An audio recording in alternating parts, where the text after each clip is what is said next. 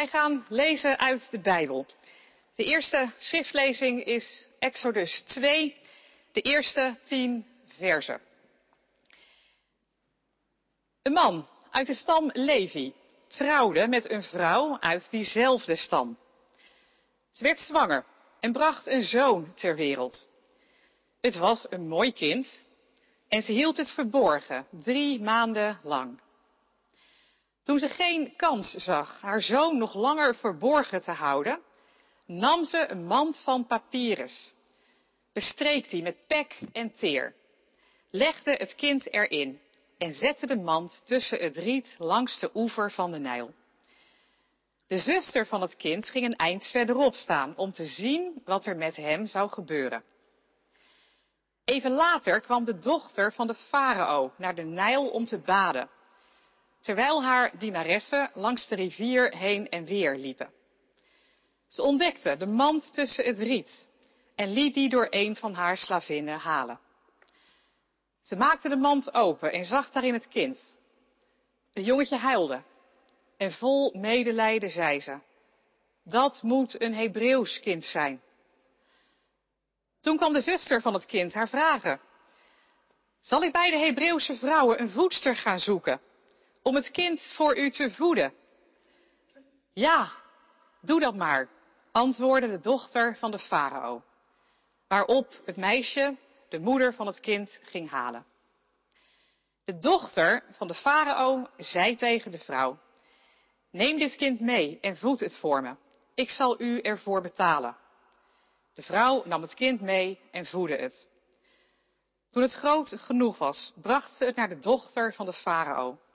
Deze nam het kind aan als haar eigen zoon. Ze noemde hem Mozes, want, zei ze, ik heb hem uit het water gehaald. Hoe zullen we leven? Omdat we van Christus zijn.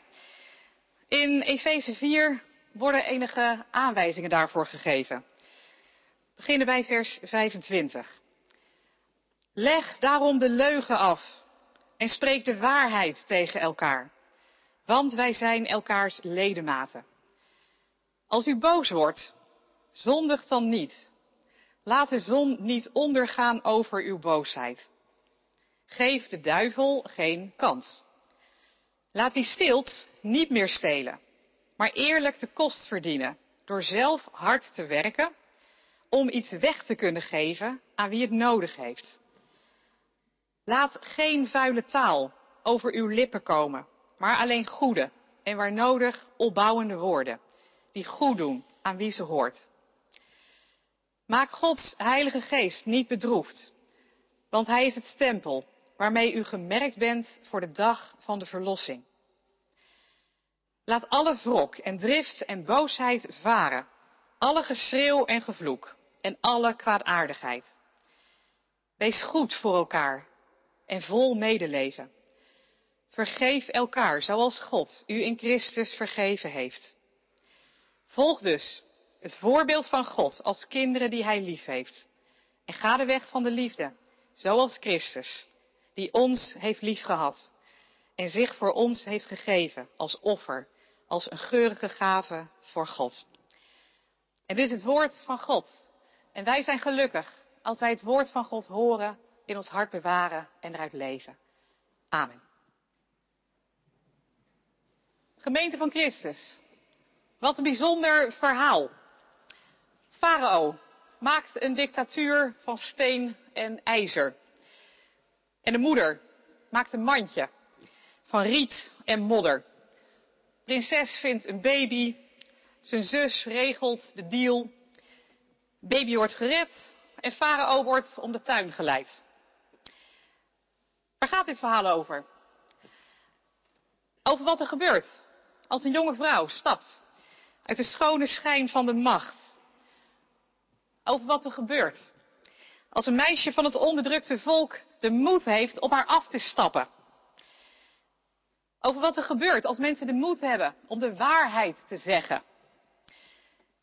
Zonder dit verhaal, zonder deze twee meisjes in het riet, is er geen Mozes, geen Exodus, geen bevrijding voor Gods volk. Tenzij er mensen zijn die bereid zijn om de waarheid te zeggen. En God werkt hier doorheen. Dit is de weg die God blijkbaar gaat. Hij gebruikt hen om te bevrijden. Twee jonge mensen op de voorgrond. Die machtige prinses. De dappere, vindingrijke zus van Mozes erbij. Wakend over het biezenmandje dag en nacht. We weten niet hoe oud ze waren. Twintigers, tieners, misschien nog wel jonger, wie weet. Maar beide waren bereid die waarheid onder ogen te zien en die te benoemen. En beide zijn bereid om opzij te zetten wat ze eigenlijk zouden moeten doen. En beide zijn bereid om samen te werken aan een bizar plan. En God werkt er doorheen, door deze mensen. Egypte is het toneel hiervoor. Supermacht van die tijd, de Joden waren slaven. De Joodse bevolking die groeit, Farao voelt zich bedreigd en denkt dat ze te machtig worden. Dus hij komt met een zeer effectief en slecht plan. Elk Joodse jongetje moet worden gedood. Mozes was een jongen. Zijn moeder deed wat ze kon. Verbergt hem voor een tijdje. Maar ja, baby's groeien. En op een tijdje kan je hem niet meer verbergen. Lukt het niet meer. En dan doet die moeder van Mozes een profetische handeling. Neemt papyrus, smeert het in met pek en teer, maakt een biezen mandje. Een briljante daad. Symbolische daad, bedoeld om een leven te sparen. En vooral bedoeld om een getuigenis te geven. En tegelijkertijd, wat die moeder van Mozes kan doen, is zo beperkt. Zo klein. Want zo'n biezenmandje kan een kind natuurlijk niet echt bewaren. Niet lang tenminste. Een kind in zo'n biezenmandje heeft één dag, misschien twee, voor die sterft. Eén dag of twee om te leven. Maar wie hem ook vindt, dood of levend, zal de boodschap van die moeder begrijpen, luid en duidelijk. Dit is hoe ons leven in Egypte is geworden. Kijk maar, een biezenmandje. Dat is alles wat ik kan doen voor mijn kind. Alles wat ik hem kan geven is twee dagen om nog te leven. En de moeder van Mozes verlaat het toneel. Misschien was het wel Hagar, die het niet kon aanzien dat haar kind zou gaan sterven. En vanaf dat punt neemt die zus het over. Ze had een opdracht gekregen, blijf op een afstand staan, om te zien wat er gebeurt. Dan kan ik namelijk vertellen aan ons, naar de hand. En dan komt die dochter van Farao erbij. Ze heeft een andere agenda. Komt naar de rivier om een bad te nemen. Afstand te nemen van het hele gedoe, van het hof, publieke belangstelling, van het voetstuk waar je op staat, van het mooi zijn, want ja, dat is de taak als prinses. Mooi zijn. Zo vertegenwoordig je de familie. Dus verzamel je hofdames, ga je wassen, doe er alles aan wat je kunt om mooi te zijn. Want je moet er goed uitzien. Als er iemand is die moest voldoen aan het schoonheidsideaal, dan is het wel de dochter van Farao. Een soort Barbie zou je kunnen zeggen. Juiste verhoudingen, hoge hakken, geen rimpels. Ga naar de rivier, doe je taak, kom naar huis. Hier zijn ze, die twee meisjes in het riet. Ze weten wat ze moeten doen, wat hun opdracht is. De opdracht van de ene zorgt dat niemand je ziet. Kijk wat er gebeurt. En de ander ga je wassen en ga je mooi maken. Doe wat je opdracht is en kom terug naar huis. En dat hadden ze kunnen doen. Ze hadden zich aan die opdracht kunnen houden en elkaar nooit hebben ontmoet. Maar ze doen wat anders. Prinses vindt een baby. Egyptische prinses vindt een Hebreeuwse baby. En ze weet precies wat ze zou moeten doen met die baby. Wat haar vader gedaan zou hebben. Wat de wet voorschrijft. Want als dit een Hebreeuws jongetje was, had zij het mandje moeten omduwen, zodat het kind in het water zou vallen. Ja, als je dat niet zelf wilt doen, dan kan je een zetje geven aan het mandje, zodat iemand verderop dat kan doen voor je. Dat is wat de wet voorschrijft, of je het nou leuk vindt of niet. Dat weet Mirjam natuurlijk ook. En ze weet wat haar moeder wilt. Als iemand die baby vond, ook als die iemand een Egyptische was, moest ze toekijken. Toekijken wat er gebeurt, hoe erg het ook gaat worden. Staat een eind verderop, staat ze. De opdracht was dat ze daar zou blijven staan, zodat niemand haar zou zien, niemand haar zou snappen. En dat ze niet in de problemen zou komen, zodat zij weer kon vertellen wat er was gebeurd. Zo erg was het geworden. Twee meisjes in het riet met een babytje tussenin. Ze weet wat hun ouders hadden gewild. En ze doen het niet. De dingen zien er anders uit als je stapt uit die schone schijn. En als je stapt in de echte wereld en je de waarheid ziet, recht voor je neus. En je de moed hebt om die waarheid te benoemen. Dat doet die prinses. Dit moet een Hebreeuws kind zijn. De waarheid zeggen. Want geen andere moeders laten hun baby achter om in een mandje te sterven. Geen andere moeders zijn zo wanhopig. Prinses stapt uit die schone schijn de echte wereld in. En ziet de waarheid voor haar neus. En ze heeft een keus. Doe ik alsof ik het nooit heb gezien?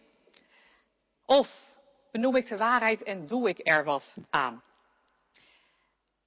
Dat is ook wat er gebeurt bij die film van Barbie. Misschien heb je de film gezien of erover gehoord van mensen. Barbie is een prinses in haar eigen wereld. Een wereld met mooie dingen. En ook met een hoop schone schijn.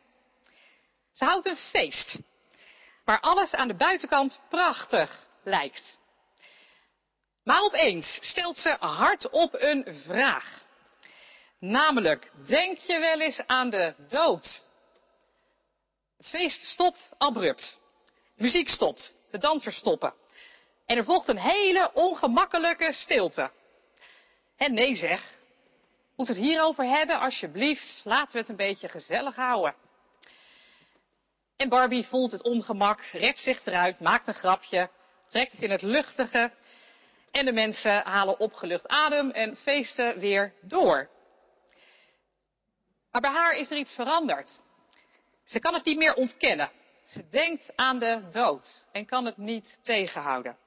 Haar lichaam is niet meer perfect. Haar voeten zijn plat, niet geschikt voor hoge hakken en haar lijf is niet meer zo strak als daarvoor. Ze krijgt een keuze. Ga ik dit allemaal vergeten en doen alsof het niet is gebeurd? Of ga ik naar de echte wereld? Want het verhaal is dan dat ze het daar kan gaan fixen. Lijkt dus een beetje op die keuze van Farao's dochter.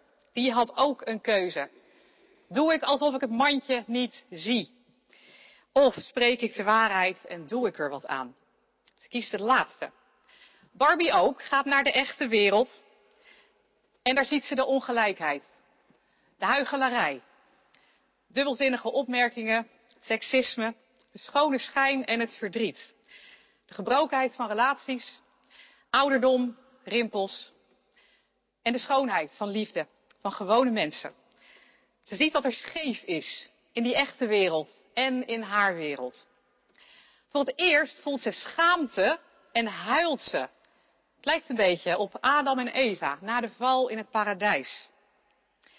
Farao's dochter leeft in de schone schijn, moet zich wassen, stapt de echte wereld in, of ze het nou realiseert of niet. En daar ziet ze de pijn en de ongelijkheid. Waarom noem ik nu Barbie? Is dat opeens even belangrijk als het Bijbelverhaal? Nee, zeker niet.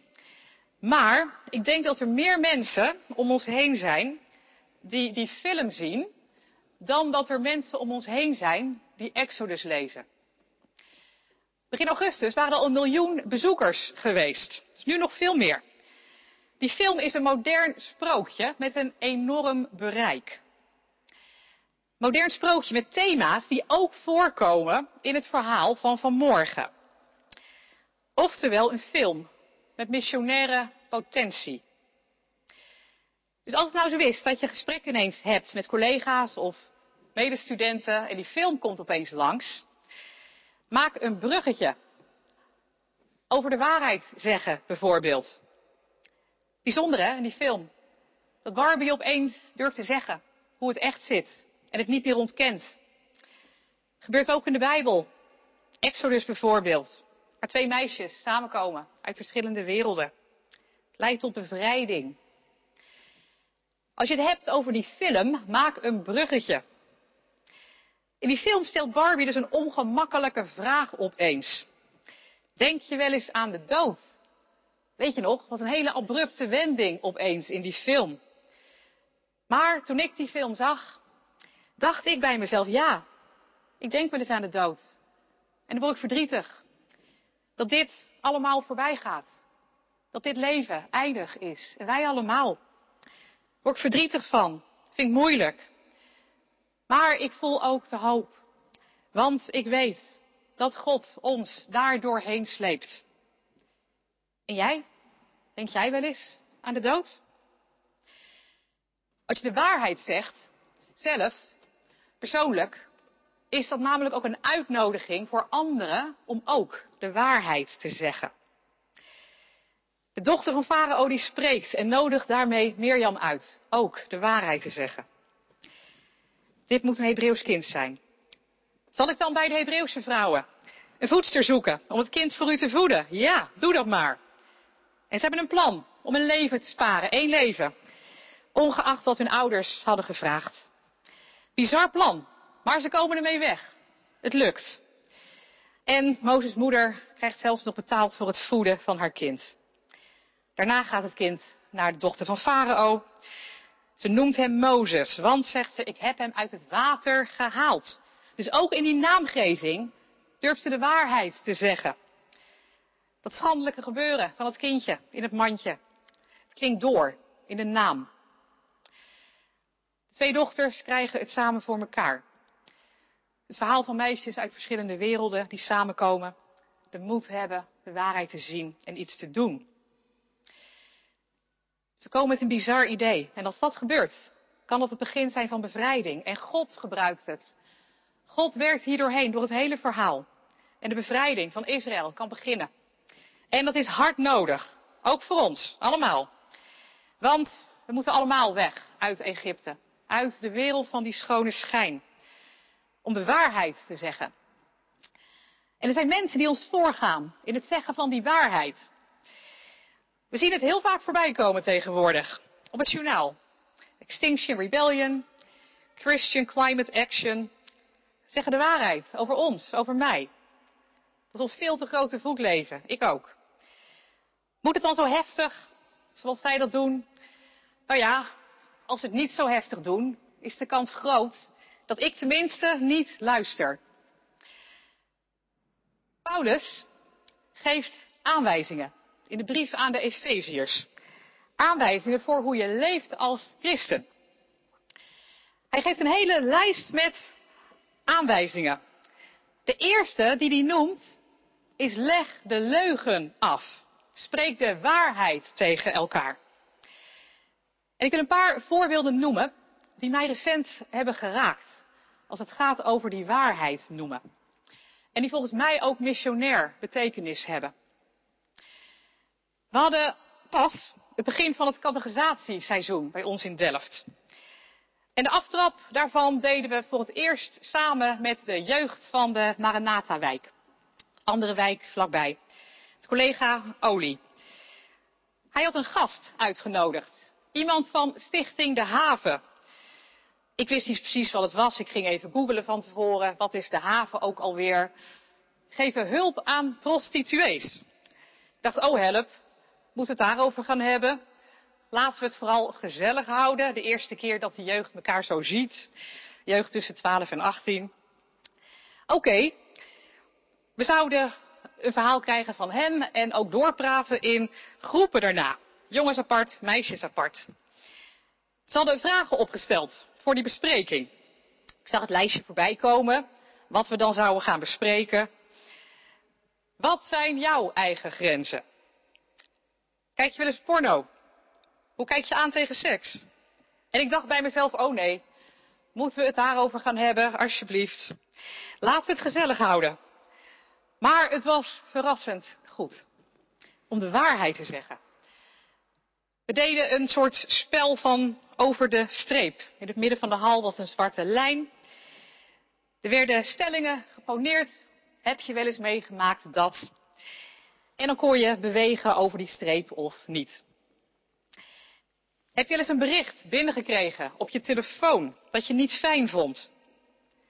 En heel veel van de jeugd stapte over die streep. Ja, heb ik meegemaakt. Is er iemand bij jou wel eens een grens overgegaan? Duurde wat langer voor de groep in beweging kwam.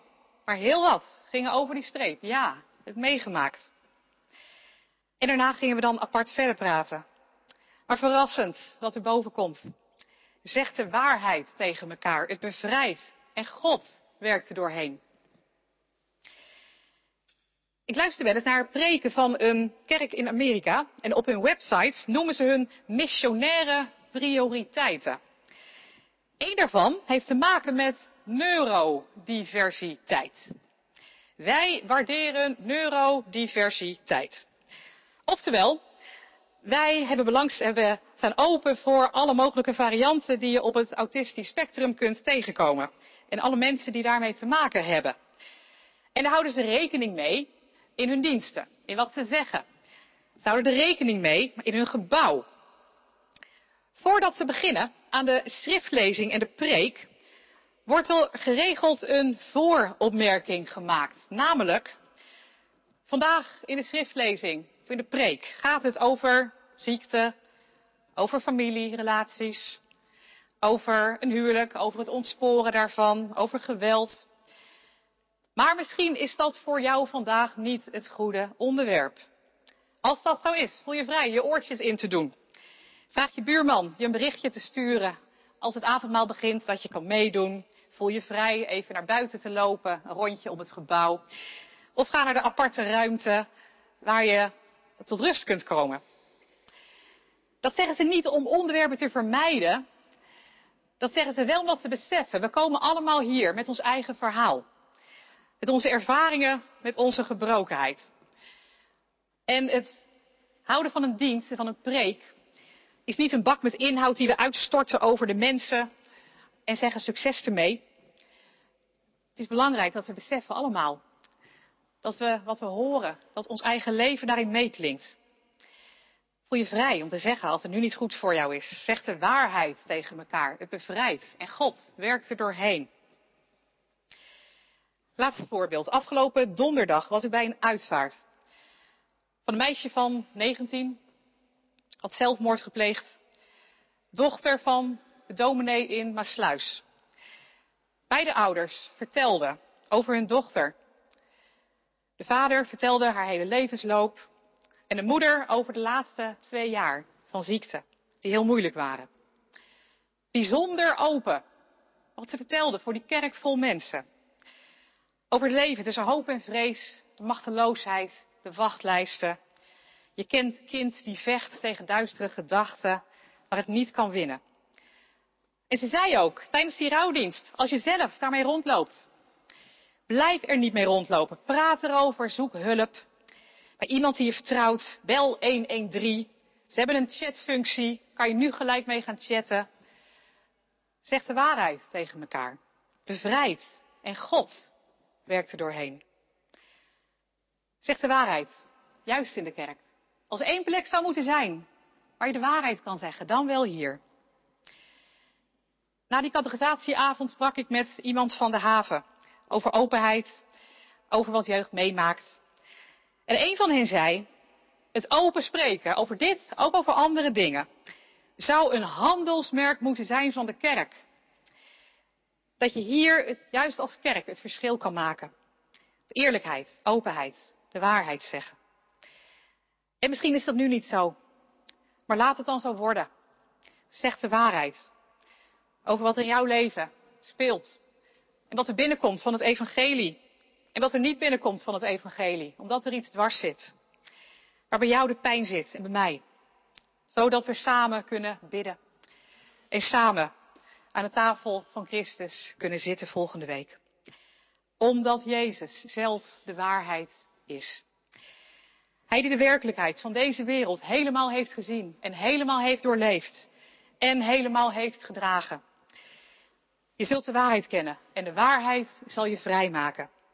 Jezus zal je vrijmaken. Amen.